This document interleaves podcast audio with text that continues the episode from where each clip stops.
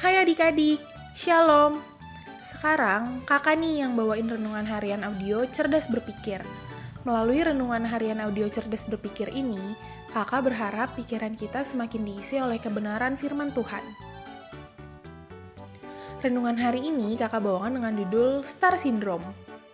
Adik-adik, baru-baru ini ada sebuah istilah kejiwaan yang lagi viral, yaitu Star Syndrome Hmm, ada banyak sih kayaknya pengertian star syndrome. Tapi yang mau kakak bahas di sini, star syndrome adalah suatu keadaan kejiwaan yang membuat orang merasa seperti seorang bintang. Sederhananya, star syndrome adalah keadaan kejiwaan yang membuat orang merasa harus lebih spesial dari orang lain. Kalau dia enggak atau belum spesial di mata orang, maka dia akan mengejarnya secara berlebihan. Star syndrome bisa melanda siapa saja loh, bukan cuma artis. Orang biasa juga bisa terkena star syndrome. Artis yang kena star syndrome biasanya kalau pergi ke tempat-tempat umum, dia selalu berpikir bahwa akan selalu ada banyak orang yang ngejar-ngejar dan muji-muji dia. Padahal sih sebenarnya biasa aja.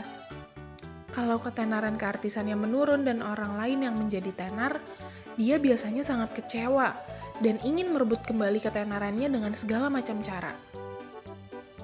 Tentu masih banyak lagi ya gejala star syndrome pada artis.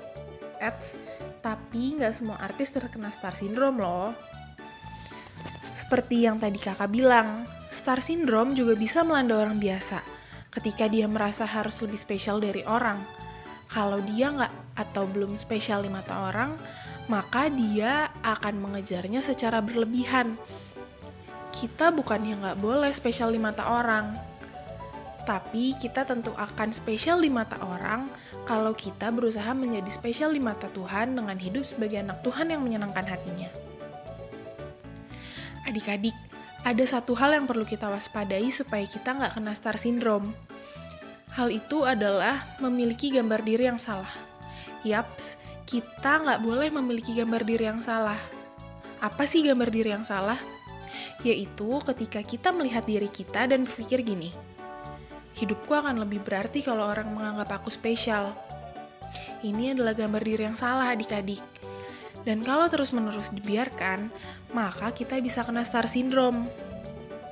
Nah, memiliki gambar diri yang salah bisa menimbulkan akibat buruk lain, yaitu kurangnya self-acceptance atau penerimaan diri memiliki gambar diri yang salah juga bisa menimbulkan sifat sombong dan minder.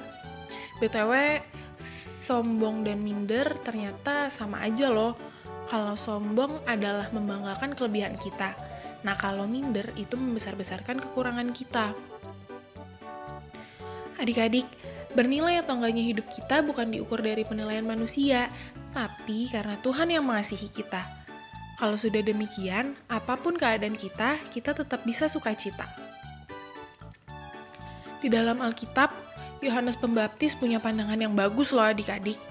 Dalam Yohanes 3 ayat 30, dia bilang gini, Ia harus makin besar, tetapi aku harus makin kecil. By the way, ia dalam ayat itu maksudnya Tuhan Yesus ya. Hmm, pada waktu itu, pelayanan Yohanes Pembaptis untuk membaptis dan membuat orang Yahudi bertobat makin terkenal. Setelah Tuhan Yesus dibaptis, ketenaran Yohanes Pembaptis mulai menurun. Apalagi setelah Tuhan Yesus memiliki murid-murid dan murid-muridnya juga membaptis orang. Wah, makin turun tuh ketenaran Yohanes Pembaptis. Tapi dalam keadaan itu, Yohanes Pembaptis bersikap secara tepat adik-adik. Dia bilang bahwa Tuhan Yesus harus semakin besar dan Yohanes Pembaptis harus semakin kecil. Adik-adik, hal ini mengajarkan kita untuk punya sikap yang benar. Yang pertama, gambar diri kita nggak diukur dengan spesial atau enggaknya kita di mata orang. Gimana pun keadaan kita, Tuhan tetap mengasihi kita. Yang kedua, semua yang kita lakukan haruslah untuk kemuliaan Tuhan. Sekolah, bermain, makan, berkawan, mengembangkan bakat dan potensi, pokoknya semua deh. Kalau semua yang kita lakukan untuk kemuliaan Tuhan, maka kita nggak akan pusing mikirin apakah bakal terkenal atau enggak. Jadinya kita nggak kena star syndrome deh. Yuk kita berdoa.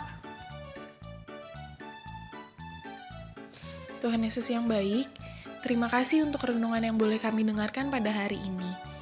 Terima kasih kalau pada hari ini kami sudah belajar tentang star syndrome.